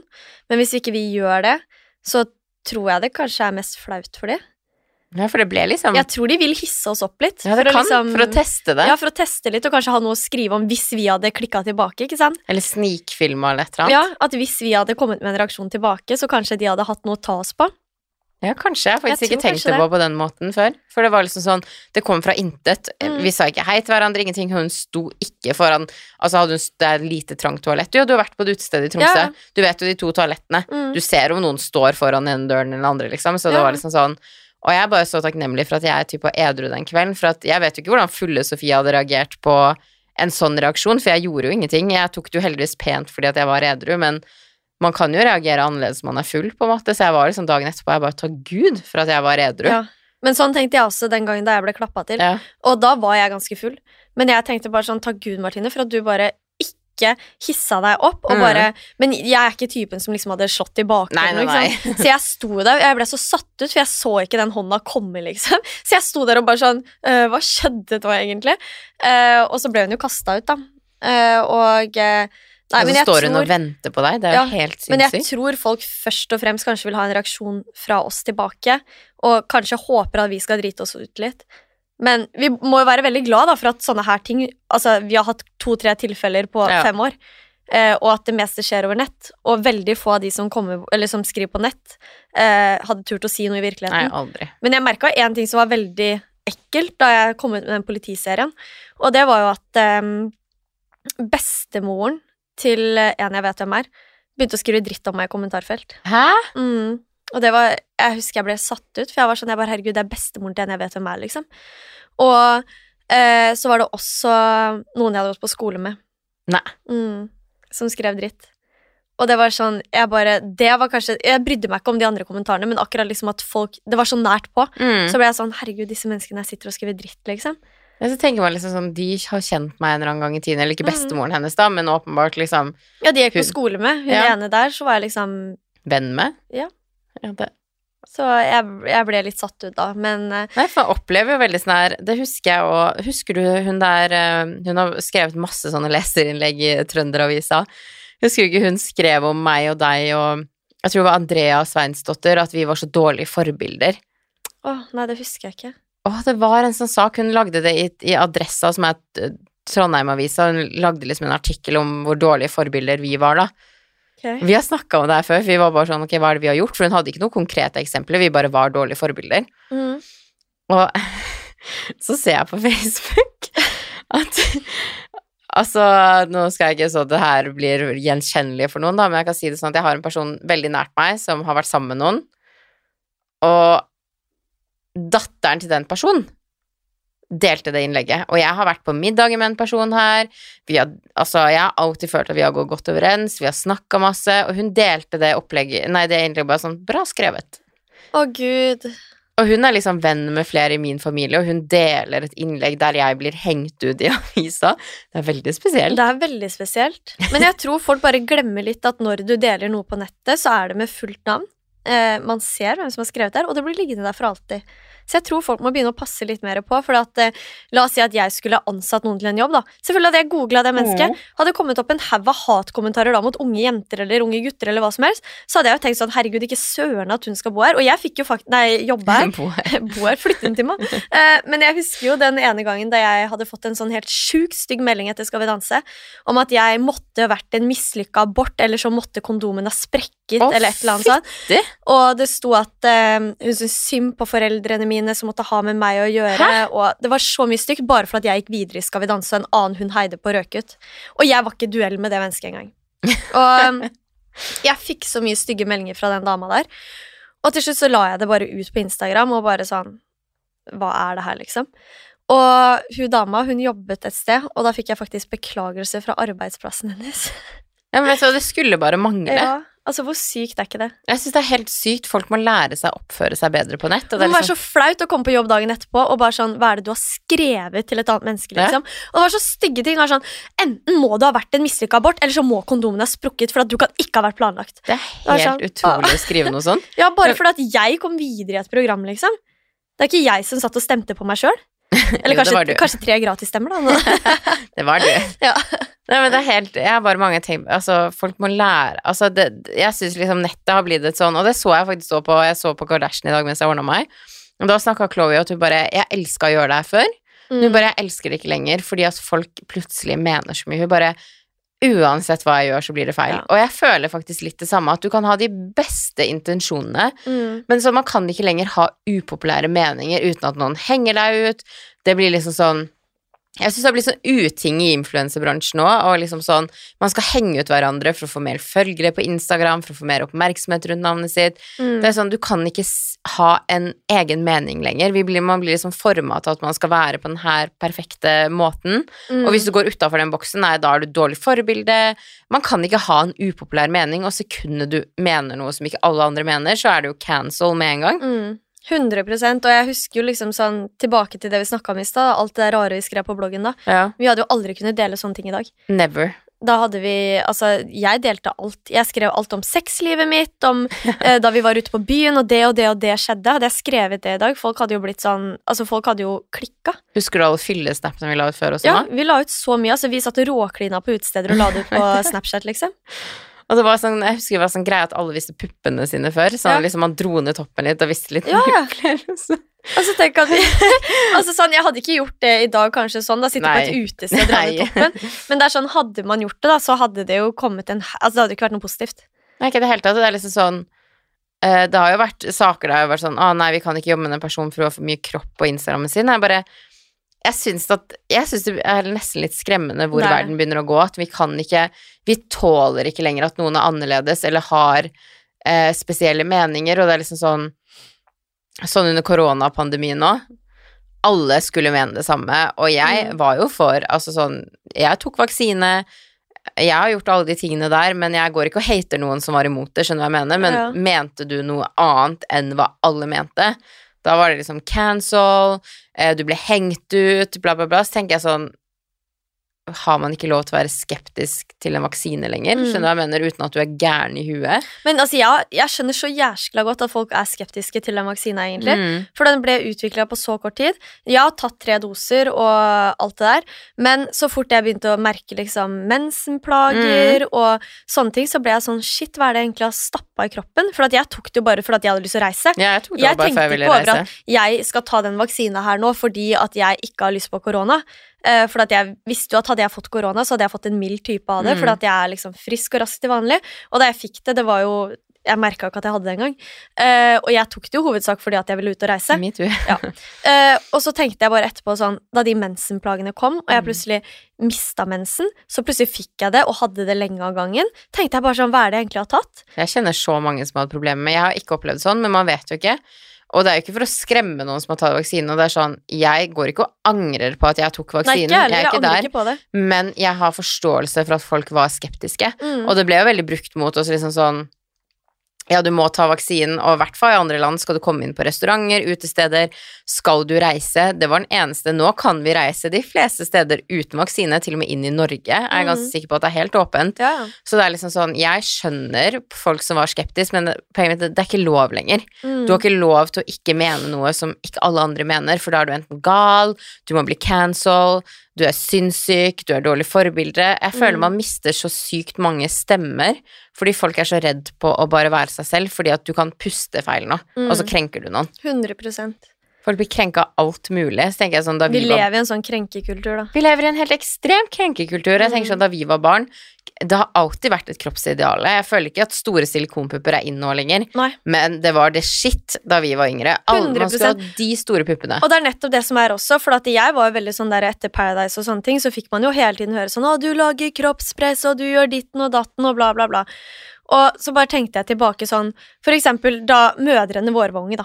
Så var det et helt annet ideal mm. man skulle være. Da skulle man ha liksom masse former, det var liksom Marilyn Monroe og alt det der. Eh, og så plutselig ble det Kardashian. Altså Det endrer seg hele tiden. Man- Det er umulig å følge med på det. Ja. Jeg tenker Ha den kroppen som du føler deg lykkelig i. Har du Mm. lyst til liksom å trene og være aktiv, så gjør du det. Har du ikke lyst til det, så gjør du det. Bare så lenge du er lykkelig. Mm. Så tenker jeg, ikke prøv å hige etter et kroppsideal som du mest sannsynlig aldri kommer til å oppnå. For da selvfølgelig kommer aldri vi til å klare å trene på oss Kardashian-rumper. Hun har ikke klart det selv engang. Så selvfølgelig klarer ikke vi det. Så jeg tror man må også skjønne det her at eh, ja, jeg er veldig enig i at folk skal poste bilder av seg selv, og alt sånne ting, men man må også huske på at mye på internett er fake. Og sånn som Til og med Kardashian har blitt tatt på å redigere bildene sine. De redigerer til og med barnet sitt inn på Disneyland. Ja, sant det! Herregud. Så jeg tenker at uansett, liksom om folk legger ut et bikinibilde og alt sånne ting, så skal man uansett være skeptisk til sosiale medier. For folk poster jo mye rart der også, og man ser jo for eksempel hvor lett det nå har blitt da, å for eksempel redigere alt på seg selv. Mm. Og man kan til og med redigere videoer. Jeg så det på TikTok. Det var en jente som sto i bikini og viste hvordan hun kunne redigere kroppen sin på en Det video. blitt helt sykt. Det har blitt helt sinnssykt hvor lett det der har blitt Mm. å gjøre. Men jeg tenker sånn Nei, jeg tenker at eh, akkurat det er litt skummelt, Ja. men uh, samtidig så tenker jeg at uh, hvis jeg er på ferie, så kommer ikke jeg til å slutte å poste bikinibilder. Nei, det skal du ikke heller. Og Nei. som jeg sier, hadde du eh, Liksom hadde du bare Altså, er du fornøyd med kroppen din, og du føler at det her er noe jeg har lyst til å vise frem, så tenker jeg heller you go, girl, enn at det Mm. skal være sånn Å, Martine, du er et dårlig forbilde som viser frem kroppen din. Vi trenger alle typer kropper, og vi trenger at folk Altså, vi trenger min kropp, vi trenger Vi to har jo helt forskjellig kropp òg. Mm. Og vi begge, liksom, nå har jo du begynt å trene, gjorde du ikke før da, men ikke sant, til tross, jeg trente masse, du trente ikke, vi hadde helt ulik kropp. Altså, Mm. uansett hvem du møter, så har man, det er svært sjelden da man har den samme kroppen. Det ser jeg når jeg ser i vennegjengen min òg. Mm. Vi er jo helt ulike. Mm. Og jeg tenker liksom sånn, du Og, og det er jo ikke noe man tenker over. Og så tenkte jeg sånn, En ting jeg begynte å tenke over Det er sånn, La oss si at du skal på stranda. Og så kan du tenke sånn når du står i speilet sånn Å, herregud, jeg har litt cellulitter her. Og nei, jeg har fått strekkmerke der. Så står man liksom sånn. Og så kommer du på stranda. Du tenker ikke over hvordan andre ser ut. nei. Ikke i det hele tatt. For jeg begynte å tenke på det, så var jeg liksom på stranda. Jeg bare, herregud, tenk om noen liksom nå ser at eh, Å, jeg har fått litt strekkmerker på puppene, eller å, jeg har litt Mm. cellulitter på rumpa. Og så tenker jeg bare sånn Men jeg tenker jo ikke sånn om andre. Nei. Så hvorfor skal folk tenke sånn om meg? For man bryr seg jo ikke om andre på stranda. Man tenker mer på hvordan oppfatter folk folk Ja. Men ingen tenker over det. Og det samme er jo det med fylleangst òg. Det har jeg Mhm. lært meg så sykt at man kan ha så fylle- fylleangst. Og med mindre du har gjort noe helt sinnssykt, som å kle deg naken eller slåss på byen, Ja. så er det ingen som husker hva du har gjort. Fordi Nei. folk er fulle, man er opptatt med seg selv, men man er så i sitt eget hode. Og det tenkte jeg òg liksom sånn, for at jeg har jo trent mye rumpe den siste tiden, og rumpa mi har vokst ganske mye. Mm. Og så enkelt er det faktisk. Du kan trene, og så vokser rumpa der. Kommer fra noen som har hatt ikke hatt rumpe. Og jeg har fått veldig mye strekkmerker på, på rumpa mi, så var jeg sånn Å, faen, det er sommer, jeg har fått masse strekkmerker på rumpa mi. Så ble jeg sånn Ok, det er så mange som har strekkmerker Ja. på rumpa si, har jeg noen gang tenkt over det? Bare nei. Nei, det er så ikke noe man sånn- legger merke til. Altså det er sånn der, Hadde noen gått forbi meg med strekkmerker på puppene eller strekkmerker på magen, så hadde jeg aldri tenkt sånn Oi, hun har strekkmerker. Jeg hadde aldri tenkt tanken engang, fordi at man tenker så mye selv på hvordan man Mm. selv ser ut, at man har ikke tid til å tenke på andre. Så tror jeg det man skal huske, er liksom sånn Man har Altså, hva folk kommenterer Altså, det her handler jo om alle, for at jeg tror alle har opplevd å få en stygg kommentar eller noe slengt etter seg av venner og familie, ukjente, whatsoever. Det folk kommenterer på deg, er det man er observant på seg selv. Mm. Det er liksom samme som de som er helt ekstremt sjalu og er sånn 'Å, du er utro', jeg er ofte utro selv. Mm. Det er liksom sånn, Nå skal ikke jeg påpeke hva det er, men jeg har en ting med mitt utseende. Når jeg sier det høyt til folk, så er folk sånn Seriøst, vi har aldri tenkt over det. Men jeg har en ting med mitt utseende som har vært kompleks så lenge jeg kan huske. Nå ble jeg nysgjerrig. Jeg tar det etterpå. Og det er den første tingen jeg ser hos mennesker. Det er den første tingen jeg legger merke til hos andre, fordi at jeg har den tingen med meg selv. Okay. Så jeg ser det fort hos andre. Og så blir det sånn ja, for, ikke sant? Det er sånn, Jeg tror mange av de som for eksempel kommenterte at jeg hadde flat rumpe, eller at du er sånn og sånn, de har sine egne greier, og derfor legger man merke til det hos andre. Mm. Det er sånn, Et menneske som har det bra med seg selv, som er fornøyd med seg selv, som er fornøyd med livet sitt, ville aldri hatt behovet for å rakke ned på noen andre. Nei, og det men sånn har jeg tenkt så mange ganger også, at det, det er sånn Jeg er veldig lykkelig sånn som jeg er. Jeg er Mm. lykkelig med det stedet jeg er i livet, med venner jeg har, og familie og kjæreste og alt mulig sånn. Og jeg har null behov for å sitte liksom og hakke på andre, hvordan de ser ut med sin kropp. Og jeg tenker sånn, hadde jeg villet ha en megarumpe, ja, men da hadde jeg gått og fiksa meg det. Mm. Men jeg tenker sånn der, Jeg er på et sånt sted nå hvor jeg, jeg bryr meg ikke. Jeg, klarer, jeg kunne ikke brydd meg mindre om hva folk hadde sagt om min kropp. Om jeg ikke har den største rumpa på stranda i sommer. Altså, Mm. hva så? Det har ingenting å si. Det er ingenting å si. Ingenting å si. Det er bare en kropp, liksom. Og selvtillit is the key to fucking everything. Ja, det er det. Og jeg føler sånn at eh, Jeg føler at jeg aldri har hatt så bra selvtillit som det jeg har nå. Og jeg, det er godt og, å høre. og jeg føler at det, det mest sexy jeg kan se hos Mm. mennesker, er selvtillit. Jeg synes det er det fineste jeg kan se hos mennesker, er selvtillit. Jeg bryr meg ikke om du har sixpack, eller om du har svære pupper eller eh, dritsvære lepper. Jeg bryr meg ikke. Det fineste er selvtillit. For at det kan gjøre så sinnssykt mye med et menneske. Det gjør alt. Man må bare lære seg at det vil alltid Det her kommer til å kanskje høres stygt ut, men det vil alltid være noen som er penere. Ja. Det vil alltid være noen som har større rumpe, det vil alltid være noen som har bedre kropp, det vil alltid være noen som har større pupper, men det gjør ikke deg noe mindre pen. Man Nei. kan ikke gå og sammenligne seg med andre mennesker hele tiden. Man må være sånn Altså sånn Du har jo ting jeg ikke har, ikke sant? Og så Mm. har jeg ting du ikke har. Mm. Det er jo mange ting med deg jeg beundrer. Ja, men det er jo sånn Man ser jo alltid noe hos andre som man tenker sånn Oi, shit, hun er, Mm. hun er sånn og sånn, eller hun er sånn og sånn. Men så tenker jeg, vet du hva Hvis man skal ha- ha det bra med seg selv, så må man liksom fokusere på at Vet du hva, jeg kommer ikke til å For eksempel, du har jo helt sinnssykt fine øyne, for eksempel. Jeg syns du har de fineste øynene i hele verden. Og jeg kan være sånn, altså Sofie hun har så fine øyne, men jeg kan jo ikke endre min øyefarge. Nei. Og det er liksom sånn, Man må jo bare slutte å tenke sånn der. At da Mm. kan man heller bare være flink til å gi hverandre komplimenter, og bare Mm. heller slutte å tenke sånn 'Å, jeg skulle vært sånn', og 'jeg skulle Mm. sett sånn ut'. For at man kommer aldri til å bli sånn uansett. Nei, man, man, kan, man, altså man er født med det utseendet Ja. man har, og ja, du kan endre kroppen din og bla, bla, bla, og du kan operere ansiktet. Men jeg tror ikke det gjør deg lykkeligere. Nei, det, altså, det merka jeg da jeg opererte puppene mine. Jeg trodde alle problemene mine skulle forsvinne, og så var jeg sånn, ok, de er der fortsatt. For det handler ikke In the end så handla det ikke om puppestørrelsen min, det handla om hvordan jeg så meg selv. Ja, og det handler om hvordan du føler deg Ja. inni deg. For jeg trodde jo sånn derre 'Å, når jeg får store pupper, da skal jeg være sånn og sånn og sånn'. Og så fikk jeg det, og så var det bare sånn Ja, nei. Men nå tok ikke jeg det sånn i hovedsak heller, for at jeg tenkte sånn nå skal jeg få Tine selvtillit', eller et eller annet sånt. Men det var bare det at jeg syntes pupper var fint. Mm. Og jeg hadde ikke noen pupper, og jeg fikk ofte kommentarer på det. Men sånn nå i dag er det én ting jeg skulle gått tilbake i tid og endra, så er det at jeg tok de puppene der. Er at, det det? Ja, altså sånn, jeg synes de er veldig fine, det er ikke Mm. det. Og jeg er veldig sånn Ja, jeg synes de er fine og alt det der, men jeg hadde aldri gjort det i dag. Fordi at jeg tror at jeg hadde rocka de små puppene som jeg hadde, like mye som det jeg hadde gjort Ja, ja, 100 Ja. Og det er sånn, jeg tror jo også i dag at jeg hadde ikke For alt handler bare Og Mm. seriøst, hvis man er i starten av 20-årene, give it time. Fordi at man får det så mye bedre. Jeg tuller jo ofte med at å, jeg begynner å bli gammel og bla, bla, bla. Men jeg ville aldri blitt 21 eller 22 eller Nei. 23 igjen. Jeg er så glad i den personen jeg begynner å bli. Og det Mm. kommer jo med alder, modenhet, hvordan man ser på seg selv. Og det er sånn Jeg angrer ikke på at jeg tok silikon. Jeg vet ikke om jeg hadde gjort det i voksen alder hvis jeg hadde venta. Altså 18-årsgrensa er jo altfor lav. Man kan Så- sitte og ta influensere, men du kan gå er og operere operere deg når du er 18. Det er Det sånn er så sykt. tenkt at man kan dra og få seg nye pupper før man kan kjøpe sprit på polet. det er sykt er det? faktisk helt Det sykt. er helt Du kan få ny rumpe. Ja, Du kan kan dra fettsuge deg. Man kan dra og fikse hele utseendet sitt før man kan dra og kjøpe sprit Mm. på Vinmonopolet. Det er jo helt sinnssykt. Altså, den aldersgrensa må, burde vært høyere. Men ingen snakker om det. Nei. Fordi det, liksom sånn, det er så morsomt er at influensere blir tatt gang på gang på gang. Skaper kroppspress, opererer seg, bla, bla, bla. Men jeg tror jeg aldri har sett en ordentlig debatt som har tatt av der de sier sånn Ok, men hvorfor snakker vi ikke om at du var Altså, jeg, jeg var 18 år da jeg kom og tok silikon, og han fyren som tok på silikon, han stilte meg ingen kritiske spørsmål whatsoever. Jeg er bare sånn Jeg er ikke så fornøyd med puppene mine, jeg vil ha litt større. Og han bare Ja, prøv de her, så får du jo prøve du å ta silikon. Ja. Du får prøve sånne silikonimplantater som gjør puppene dine større. Og han bare Jeg prøvde det her, og ja, nå ble puppene dine perfekte. Nei! Jo, jo, han sa sånn. Det var ingenting sånn Ok, du er bare 18, er du sikker på at du skal gjøre det her? Bla, bla, bla. Og når jeg var ferdig operert, han bare Puppene dine er så bra. Du vet, Med meg var de så streng. Var de det? Mm.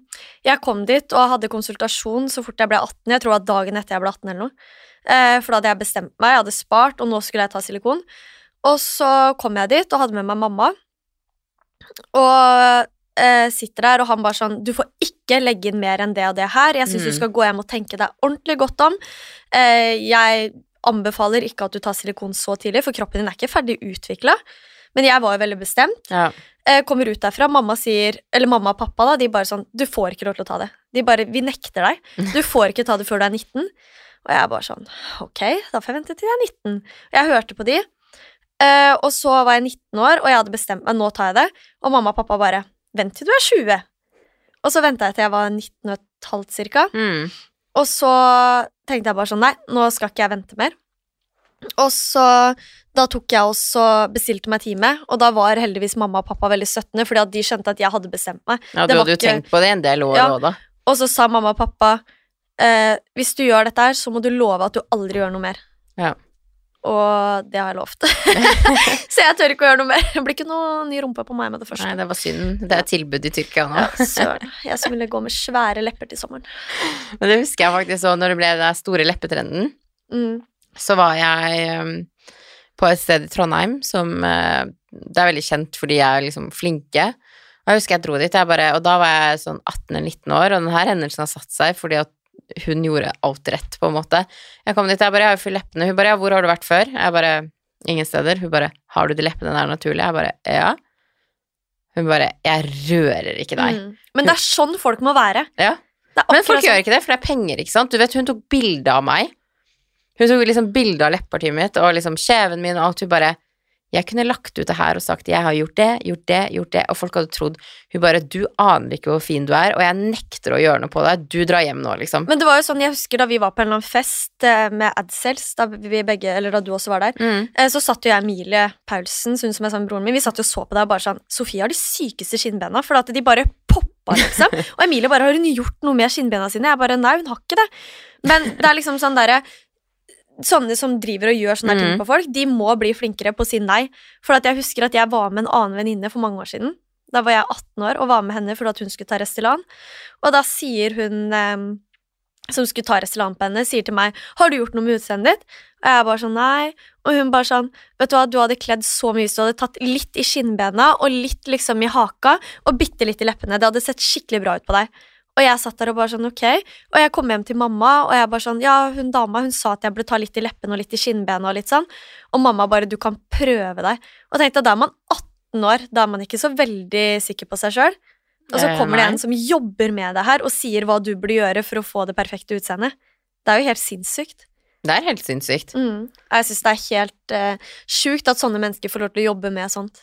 Ja, det er liksom sånn, og det blir aldri snakka om. Altså sånn, ja, nå har det blitt strengere på å ta Restylane og Botox og whatsoever, men altså, jeg vil jo si at det er mye mer uskyldig å gå og fylle leppene sine enn å faktisk gå og operere puppene sine, eller fettsuge seg, eller ta facelift, som har blitt en greie nå, eller ta rumpe, eller hva enn man gjør, så er det veldig uskyldig oppi det hele å fylle lepper. Mm. Men det er, sånn, det er ingen grense. Det er liksom sånn Å, influensa må endre seg, men jeg tror Du kan skape så mye kroppspress du bare vil, men kommer du til en klinikk, og de sier, vet du hva, vi har 23-årsgrense Mm. Jeg vet at flere klinikker har begynt med det når 21. ja, Det Jeg skulle var- bare mangle. Jeg var på en klinikk i går eh, med en venninne som skulle fikse Ikke noe sånt, da, men hun skulle bare fikse noen greier Mm. med bryna. Og så var jeg med dit, og så var det en som skulle dra og ta Restylane, og så begynte vi liksom å snakke om det her med Restylane og sånne ting, at det er sykt at eh, yngre mennesker begynner så tidlig med det. Eh, og begynner med Botox veldig tidlig og sånn. Og da sa hun at her har vi nå satt en 21-årsgrense, og de får ikke lov med mindre de er over 21, liksom. Nei, men sånn, det burde bare mangle. Mm. Fordi at man liksom, jeg føler vi bare tar roten, ah nei, vi tar liksom, vi, vi skraper på liksom det øverste laget av problemet. Mm. Fordi at så lenge du ikke kan operere deg Ja, alle føler på kroppspress. Jeg kan føle på kroppspress i voksen alder. Det er mange ganger jeg er sånn Åh, skal jeg legge ut et bilde her av kroppen min? Det er mange Mm. ganger jeg liksom sender bilder av meg selv til vennene mine og er sånn Du så jeg at jeg blir usikker, så blir jeg bare sånn Fuck it, jeg poster det likevel. Sånn som de bildene jeg tok på Malang Brygge. Jeg var så jævlig usikker på de. Men de var jo kjempefine. Men det er liksom det jeg også tenker, at det, man må slutte å være så kritisk til seg selv. Man er også. kjempekritisk, og det er Mm. liksom sånn mange ganger hvis man Hvis man tenker på det liksom sånn Det er mange ganger når venner har sagt til meg sånn Du, var det bildet er fint? Eller du, hvordan er sminken min? Og så ser jeg på personen, så er jeg sånn Fy faen, du er så fin. Mm. Og så kommer de til meg og er kritisk på et eller annet, så blir jeg sånn Du trenger briller, eller du trenger hjelp, Ja. eller Ja, men ikke sant, sånn man ser Man er sin verste fiende. Og så Ja, lenge man fortsetter å 100%. samme, sammenligne seg med andre, så tror jeg man bare aldri vil liksom, Fordi det vil alltid være noen som er bedre. Mm. It's hard to say, men sånn er det. Men det gjør ikke at du ikke er bra nok. Men Nei, det det vil jo alltid det. være noen som har finere bryn, eller et finere utseende, eller finere personlighet, eller er snillere, hyggeligere. Men det gjør ikke deg mindre verdt, på en måte. Og jeg tror det er det man må huske. ikke. Men så tror jeg også at eh, det er jo det som er så skummelt med at eh, sånn som vi som nå sitter her i 26 års, 26 års alder, så fortsatt kan si sånn der, ja, men innimellom så er man usikker. Mm, Og så er det de som er 18, da, hvordan de føler det. mm. Og så drar de til en klinikk, og så sier klinikken sånn Ja, hvis vi tar litt i skinnbena dine, litt i hakepartiet, litt i leppene, så kommer du til å se helt smashing ut. Det er helt sykt å si. Ja, og det er sånn Jeg bryr meg virkelig ikke om hva folk gjør med utseendet. Om man har lyst til å Mm. ha en større rumpe, gjør det, liksom. For at det, det er din kropp, og man bestemmer det helt selv. Mm, Eh, Har du lyst til å ha kjempestore pupper, kjør på. Det er ingen som har noe med det å gjøre, egentlig. Men det at en klinikk og en som jobber der, som skal være profesjonell, sitter og sier hva du skal gjøre mm. for å bli perfekt når du er så ung, det syns jeg er helt fucka. Ja, men det er helt fucka. Men Ja. det er penger, penger, penger, penger. Og unge mennesker er de letteste å lure. Det er det. Og så blir man blind på det. Man blir Altså, så man blir så blind på det. Jeg husker da jeg hadde tatt uh, silikon. mm. Altså, Puppene mine så ut som de skulle sprekke. Det så ut som to ballonger. Og jeg tenkte sånn Hm, var ikke de litt små? Og så har jeg sett bilder av det i ettertid. Og jeg har vært sånn Tenk at de så sånn, og da var de hovne, Ja, så ja. da hadde de jo ikke lagt seg ned eller noen ting. Og jeg tenkte da at de var små.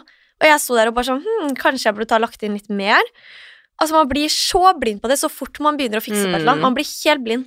Man vil bare fikse mer og mer og mer og mer, og det husker jeg liksom sånn Når jeg ser tilbake når jeg hadde den der Restylane-perioden min med lepper Sofie, vet du hva, jeg fikk opp et bilde her om dagen av deg. På sånne minner. Og jeg hadde så lyst til å sende det til deg, for jeg tenkte ikke over det da. Nei, nei, nei. men jeg så det bildet, tenkte jeg bare sånn fy faen som du så ut. Jeg hadde helt sinnssyke Ja, lepper. Du hadde skikkelig syke lepper. Jeg hadde lepper. så store Og jeg har jo store lepper fra før. Du har jo dritfine lepper fra før av, så jeg skjønner ikke hvorfor du gjorde det. Nei, men det var liksom det, det, Omstendighetene rundt meg, alle gjorde det. Man blir jo påvirka, ikke sant. Så jeg bare var sånn Å, jeg vil også ha større lepper. Og så bare Når jeg ser tilbake, det var leppe med ansikt på. Mm, det var det, Det var men, en så gigaleppe som bare tok hele ansiktet mitt. Og jeg bare sånn Og sånn der gikk jeg rundt. men det bildet jeg så av deg Jeg skal se om jeg finner det etterpå. Nei, jeg vet ikke om jeg det, vil se det engang. det var så sykt. Det var fra Jeg husker ikke hvor vi var, men det var en eller annen ferie vi var på. Hvor det var det. Men det er en ting jeg lurer på. La oss si at du hadde fått Monaco. barn, Ja. Og hun hadde sagt sånn 'Jeg har lyst til å fikse på leppene', eller et eller annet sånt. Hva hadde du tenkt da? Hvis hun var 18 år da og kommer og sier 'Jeg har lyst på større lepper' eller større pupper. Uff, den er hard.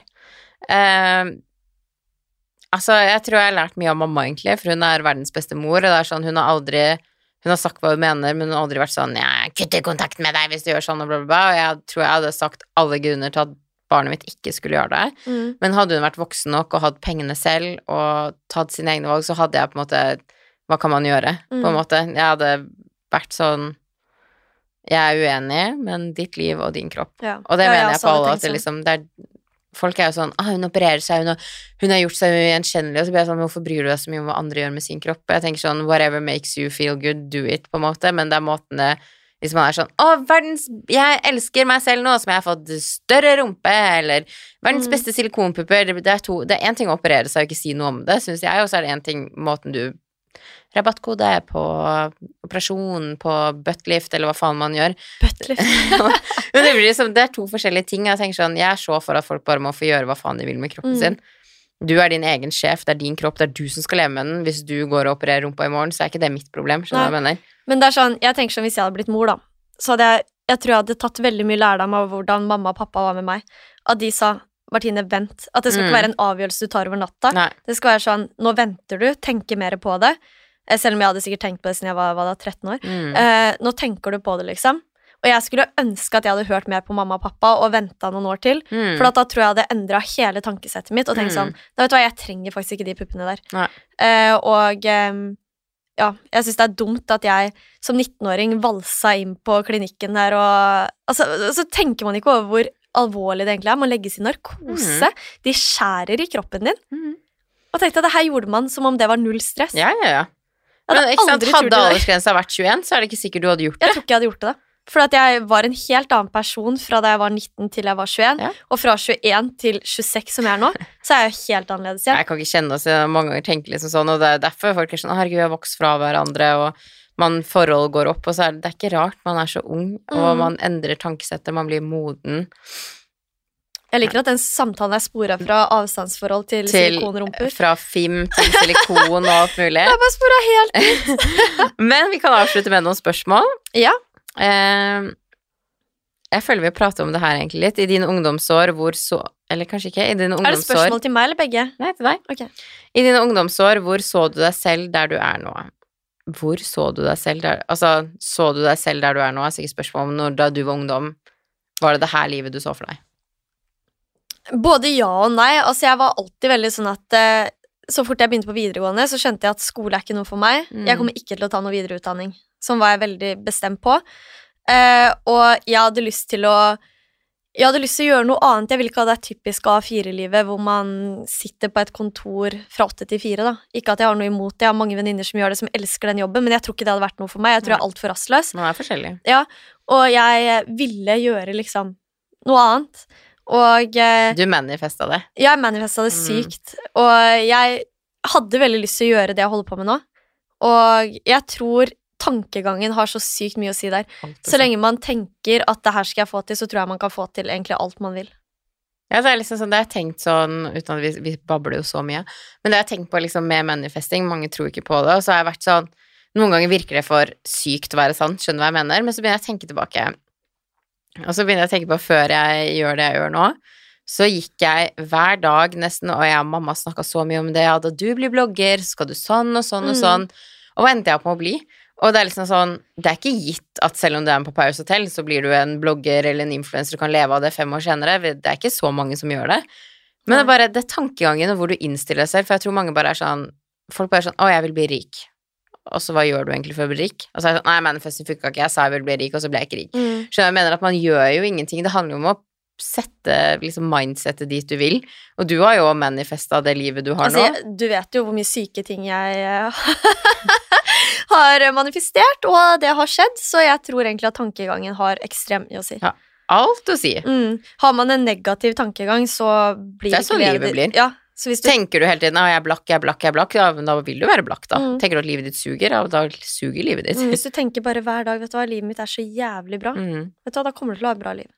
Men det krever mye å komme dit. Man må Mm. jobbe så jævlig Og det er dager jeg også tenker sånn der Fy faen, livet suger, liksom. Mm. Og nå har jeg bare lyst til å ligge i senga hele dagen. Jeg har ikke lyst til å snakke med noen. Jeg har ikke lyst til å gjøre en dritt. Og selvfølgelig, alle har dårlige dager. Men det handler bare om at eh, selv om man har, et, eh, har en dårlig dag, så har man ikke et dårlig liv. Og det er veldig Det er veldig viktig å tenke på. Manifesting is the key. Ja. Jeg kommer fra to manifesting-guruer. mm, har du og Alex planer om barn i fremtiden? Eh, altså, jeg har veldig lyst på barn. Håper jeg kan få barn, det vet man jo ikke. Eh, men ikke i nærmeste fremtid. Jeg vil i hvert fall vente til jeg er over 30 Ja. å barn. Støtter den. Jeg føler at eh, sånn som ting er nå, så hadde ikke jeg hatt tid til et barn. Og Jeg føler vi har litt leve, leving å gjøre før. Spesielt etter to år med korona. Ja. eh, Så er det mye jeg har lyst til å gjøre, og mye jeg har lyst til å oppleve. Og det er sånn, jeg vet at den dagen jeg kommer til å få barn, så kommer jeg til å være så lykkelig. Jeg kommer til å bli en så god mor, det vet jeg, men tiden er ikke inne ennå. Nei, men da venter man. Ja. Når tenker du å flytte sammen Alex? Godt spørsmål. Jeg tenker at eh, jeg er klar for å flytte sammen. Eh, så det står litt mer på han, da, om han er klar for å gi opp livet sitt Eller ikke gi opp livet i Bergen, det høres jo veldig alvorlig ut. Eh, men om han er klar for å flytte til Oslo, og det vet jeg ikke om han er klar for ennå, så Ja. jeg får bare smøre meg med tålmodighet. Dere bor jo typ nesten sammen nå, føler jeg, sånn Ja, i han er, han er veldig mye i Oslo om dagen nå. Det er Ja. masse som skjer for han i Oslo, så han er mye i Oslo. Plutselig kommer han. Ja. Hva hadde du gjort om du ikke var, om du ikke var influenser? Å herregud, hva søren hadde jeg gjort da? Jeg har ingen aning. Jeg Ja. føler du kunne jobba som sånn table service i LA. Liksom på One Oak. Ja, Ja, kanskje jeg hadde gjort det. jo, du hadde passa til en sånn Jeg jobb. jobba jo på utested før jeg Ja. på Paradise. Kanskje jeg fortsatt hadde jobba på utested. Å, gud. Jeg tror du hadde gjort det bra. De tjener jo helt latterlige penger der. Ja. Altså på å gå og stå på bordet og helle champagne i Ja, men jeg tror det kunne vært en kul jobb. Jeg tror de hadde opplevd mye gøy da. Det tror faktisk jeg Ja. òg.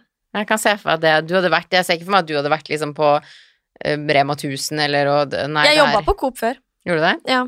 men det var ingenting for meg. Nei, nettopp. Så jeg føler du hadde hatt en noe sånn ish-jobb. Ja, men det kan være. Jeg tror jeg måtte hatt en jobb hvor jeg ikke gjorde det samme hver dag, Ja. og at det, skjedde litt ting. Det var litt fest og Ja, morsomheter. det må være litt morsomme ting. Jeg har hørt masse bra om sånn, altså, sånn bottle service-greie i USA. Altså, Skulle jeg gjort noe annet, så var det ferdig. Ja. Da flytter vi dit og jobber med det, Ja. hvis det går dårlig. De tjente sånn Jeg fikk høre at de pleide å tjene sånn 100 000 på en helg på grunn av eh, tips. Oi. Du må jo ha mye penger for å kjøpe bord, ikke sant. De tipser jo som en gærning. Så er det en ja, pen sant. jente som står der og bare «Ah, må champagne'. Fulle gutter. Mm. Angrer du på at du var med på Paris Hotel? Nei, ikke i det hele tatt. Altså, det er jo grunnen til at vi begge to holder på Mhm. med det vi gjør nå. Så jeg tenker at eh, folk kan si så mye negativt de vil om Paradise Hotel, men jeg elska å være med der, og det er en grunn til at jeg får oppleve alt det morsomme jeg gjør i dag. Det hadde jeg ikke kunnet gjøre uten Paradise, så jeg hadde gjort det 100 ganger til hadde jeg vært sju år gammel. Ja, Enig. Hvordan klarte du å spare så mye egenkap- egenkapital når du kjøper leilighet? Tips? Eh, nei, jeg sparte egentlig bare masse, masse, masse, og jeg har alltid vært flink til å bruke penger, holdt jeg på å si. Nei, ikke bruke penger, men flink til å spare. Og sette av penger, og selvfølgelig har jeg også perioder der hvor jeg går på et par smeller når det kommer til vesker og sånn, men eh, jeg har vært flink til å spare, og jeg satte meg et mål om at jeg hadde veldig lyst til å kjøpe leilighet. Og eh, så tenkte jeg også sånn, ja, jeg kan få med liksom pappa som kausjonist og sånne ting, men så tenkte jeg nei, jeg har lyst til å prøve å gjøre det selv. Og da bare satte jeg meg med et mål om at eh, jeg skal klare å spare, og jeg skal klare å kjøpe leilighet. Og eh, så kjøpte jeg leilighet da jeg var 22.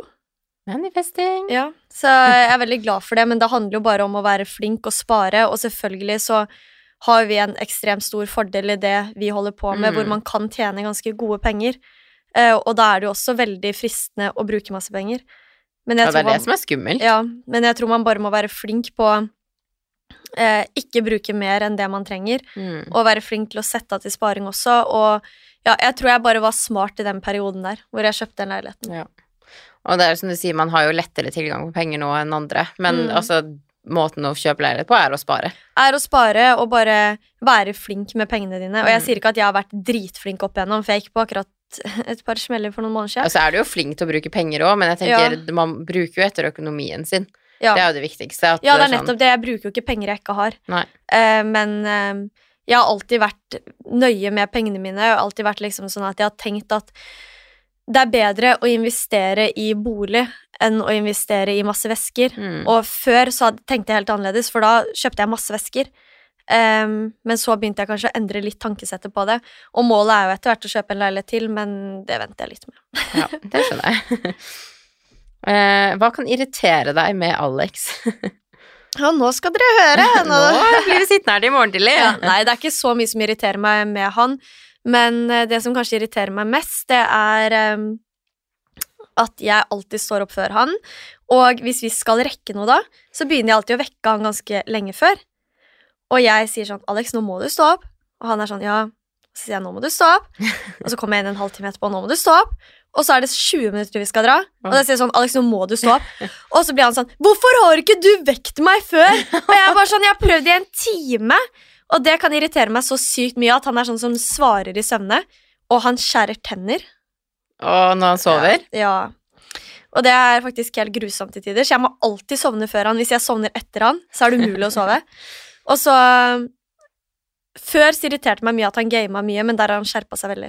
Jeg, så, jeg har aldri hatt gamerkjæreste, og jeg er så glad for det. Ja, Altså, det er han ingen har- plan om å finne det heller. Han har skjerpa seg skikkelig. Han gamer ikke så mye nå lenger. Okay, er Og nå er jeg egentlig litt glad for at han gamer også, fordi at vi Litt er så mye fritid. på hverandre. Og da er det veldig digg at på, liksom når vi kommer hjem fra f.eks. innspilling med God kveld Norge, da, at han kan gå og game litt med gutta, og jeg kan gjøre mine ting. Ja. At vi ikke liksom sitter oppå hverandre hele tiden da. Dere har vært deres liv, Ja, og det er viktig. ja. Så jeg har ikke noe imot den gaminga nå. Nei, men det er bra. Ja. Det er verre hvis det går utover forholdet, på en måte. Det er sånn, ah, vi kan ikke ta date night, for jeg skal sitte hjemme og game. Ja, men sånne ting kunne være litt før. Ok. Ja, Men det, det, føler jeg veldig mange som har gamerkjæreste. Eller det er sånn, det er sånn Man blir så inne i gamet. Ja, man- men vi kunne sitte på restaurant, og så kunne han være sånn Martine begynner å bli ferdig, for at nå sitter gutta og venter. Og jeg bare sånn, vet du hva Prøv å si det der en gang til. Altså, jeg kommer til å spytte maten her i trynet ditt, liksom. Ikke søren at jeg skal kjappe meg hjem for at du, skal hjem og game. Ja. at uh... Men han har skjerpa seg veldig der. Så heldigvis. Ok, det er bra. Ja. Eh, hva er du mest usikker med deg selv? Mm, jeg tror ikke jeg er så mye usikker på ting nå lenger, for jeg vet at Altså, jeg bare har slutta å fokusere på det. Eh, og eh, jeg tenker at hvis man skal begynne å fokusere på sånne ting, så er det noe som kommer til å ta opp mye mer av tankene dine enn hva man tror. Så fort man begynner å liksom eh, tenke på én negativ ting, så ligger det i bakhodet hele tiden. Så jeg har bare bestemt meg for at eh, nei, sånn skal ikke jeg tenke lenger. Nei. Og jeg skal bare ikke fokusere på de negative tingene, for at uh, jeg vil bare ha et bra liv og bare kose meg med det livet jeg har. Og hvis det er sånn at jeg hadde vært super usikker på en ting, eller tenkt negativt om noe, så hadde jeg garantert gjort noe med det. Ja. Så nei, jeg vil ikke tenke de baner. Nei. Det er bra. Eh, hvordan visste du Det er veldig mye Alek her. Hvordan visste du at Alek var den rette for deg, eller tvilte du noen ganger på det? Selvfølgelig så tvilte jeg jo da vi møttes inn på Paradise, fordi man møtes på et realityshow Mm. Hvor man er låst inne med hverandre i to måneder. Han slo meg ikke til å være kjærestetypen heller. Sånn. Nei, og det var liksom sånn der, jeg tenkte jo hele tiden sånn, hvordan er han hjemme? Og derfor var jeg veldig nøye på at vi skal ikke bli kjærester her inne på Paradise Hotel, liksom. Jeg skal Mm. se hvordan det her er hjemme. Og jeg husker til og med da vi kom ut, og han kommer sikkert til å bli sur for at jeg sier det her nå, men da vi kom ut på det hotellet vi måtte bo på når vi eh, var ute av Ja, Paradise Hotel, Ja, hotellet Ja. vårt. for da skulle vi bo på et hotell i to dager før vi skulle reise til Norge igjen. Og da sov Alex og jeg på rom sammen, og så sier Alex til meg 'Jeg elsker deg'. Og jeg svarte ikke, jeg bare ha-ha-ha. Jeg visste ikke hva jeg skulle si, for jeg ble så ukomfortabel. Og jeg var sånn, jeg bare, jeg kan ikke, jeg hadde aldri sagt 'jeg elsker deg' til en gutt. Nei. Så jeg var sånn, jeg kan ikke si det til han nå, så skal han liksom være tidenes fuckboy om en måned.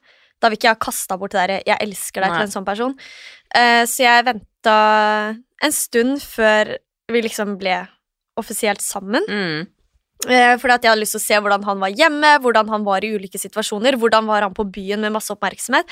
Det er jo noen ting man må liksom se litt etter før man velger å gå inn i et forhold. 100 Mm, så, men så fort liksom vi kom hjem, og jeg skjønte at uh, han var en ordentlig gutt, så tenkte jeg at ok, nå er det bare å kjøre på. Og, ja. Men jeg tvilte 100% i starten mens vi var inne på Paradise Hotel. For det er en helt sinnssyk situasjon å være i. Det kan ikke forstås hvis man Nei. ikke har vært i det. Og det å falle for en person når du er innelåst på et hotell med ti andre, eller åtte andre, eller hva Mm. man var Man er innelåst der med kun de menneskene. Man aner ikke hvordan dette mennesket her er på utsiden. Man aner ikke hvordan den er i sosiale sammenhenger på utsiden. Hvordan det er med andre damer som gir oppmerksomhet. Altså, man har null aning. Så um, jeg måtte bare vente til jeg kom hjem og se an situasjonen. Ja. Men det tror jeg er smart. ja, det tror jeg også. Og det virker som du har gjort det hele veien nå. Det tror jeg òg er grunnen til at du aldri Det har ikke vært noe stress, liksom. Alt har gått chill. Og jeg tror med en gang du begynner å stresse på å få deg kjæreste, og stresse på at man skal liksom sånn og sånn, oi, sånn og sånn, så tror jeg jo det er da det på en måte kan skjære seg litt. Mm. Så 100%. lær av Martine. Ikke stress. Lær av meg, folkens. Send meg en DM på Instagram, så kan jeg gi dere sånn coaching. Coaching på Eh, kjærlighet. 1500 per time. Nå, tror jeg. Hvordan få forholdet forhold til å fungere. fungere. Jeg skal slutte med annonser og begynne med coaching på kjærlighet istedenfor. Jeg dør Uff, Nei, ikke lær av meg nå, da. Jeg sitter her fortsatt jeg har venter på at typen skal flytte inn etter fem år, så ikke lær av meg nå, da. Det er bare bra. Ja, jeg tenker at det bare er bra, ja. Nei, men nå har vi babla i ett sett. Jeg gleder meg til å høre gjennom det. Nå skal vi gå og bable videre, vi. Nå skal vi dra ut og kose oss i sola, spise mat, drikke alkohol. Vi har sittet og drikke en, delt en flaske Prosecco her, Ja. så hvis noen blir fornærma for noe vi har sagt, så er det Proseccoen og- som prater. Hvis vi har sagt noe dumt, så er det Proseccoen, så da må dere ta det opp med Grans Moment. Brutt, Natur, Cava. Ikke annonse. Ring Vinmonopolet hvis dere har noe problem med denne. Men da snakkes vi i neste podcast-episode. Ha det! Ha det bra!